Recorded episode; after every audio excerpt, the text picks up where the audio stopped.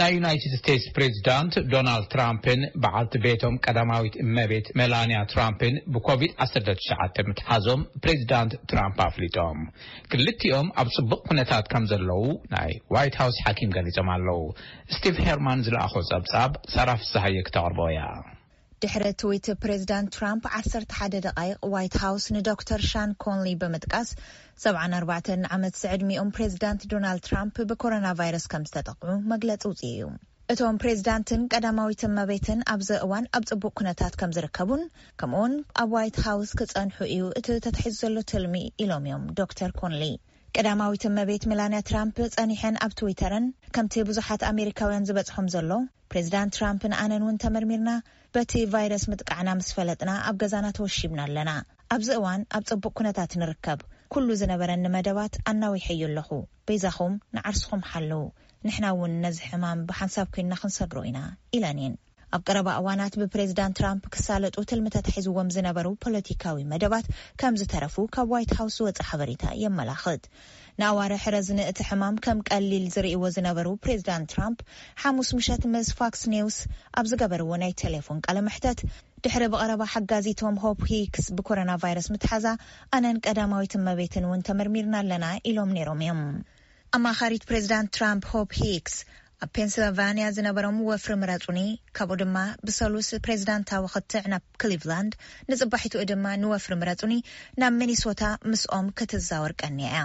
ሄግስ ምልክታት ክትርኢ ዝጀመረት ኣብ ሚኒሶታ ዝነበረ ወፍሪ ምረጹኒ ረቡዕ ምሸት እዩ። ሓሙስ ንግሆ ተመርሚራ ድማ በቲ ቫይረስ ከም ዝተታሕዘት ፈሊጣ እያ። ኣብቲ ምስ ፋክስ ኒውስ ዝገበርዎ ቃለ መሕተት ሄግስ ምናልባት እቲ ቫይረስ ካብ ኣባላት ምክልኻልን ፖላይስን ዝሓለፋ ክኸውን ይኽእል እዩ ኢሎም እዮም። ኣዝዩ ከቢድ እዩ ምስ ኣባላት ምክልኻል ወይ ድማ ፖሊሳት ክትከውን ከለኻ ናባኻ ይመጹ እሞ ክስዕሙኻ ክሓቑፉኻ ይደልዩ ምኽንያቱ ንዕኦም ዝጠቅም ጽቡቕ ስራሕ ኢና ሰሪሕና ስለዝኾነ ክትቀራረብ ከለኻ ከምዚኦም ዝበሉ ነገራት ከጋጥሙ ይኽእሉ እዮም ብርግጽ ብጣዕሚ እየ ተገሪመ ንሆብ ከምዚ ከጋጥማ ሓደጋ ከምዘለዎ ትፈልጥ እያ ግን ድማ መንእሰይ እያ እዮም ዝበሉ ምክትል ፕሬዚዳንት ማይክ ፔንስን በዓልቲ ቤቶም ኬረን ፔንስን ተመርሚሮም ነፃ ኮይኖም እዮም ክብል ወሃቢ ቃል ዴቨን ኦማይሊ ወጋሕታ ዓርቢ ሓቢሩ እዩ።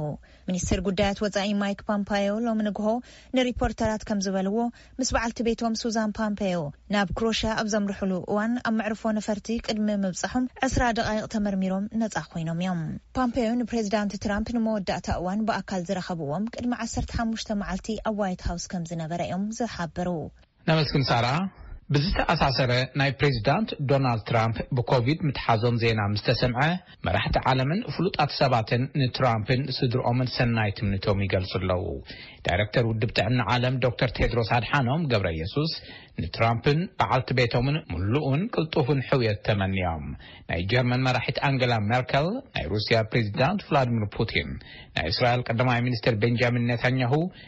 ናይ ብሪታንያ ቀዳማይ ሚኒስተር ቦሪስ ጆንሰን፣ ናይ ኣፍጋኒስታን ፕሬዚዳንት ኣሽራፍ ጋኒን ካልኦትን ሰናይ ትምኒቶም ገሊፆም ኣለው።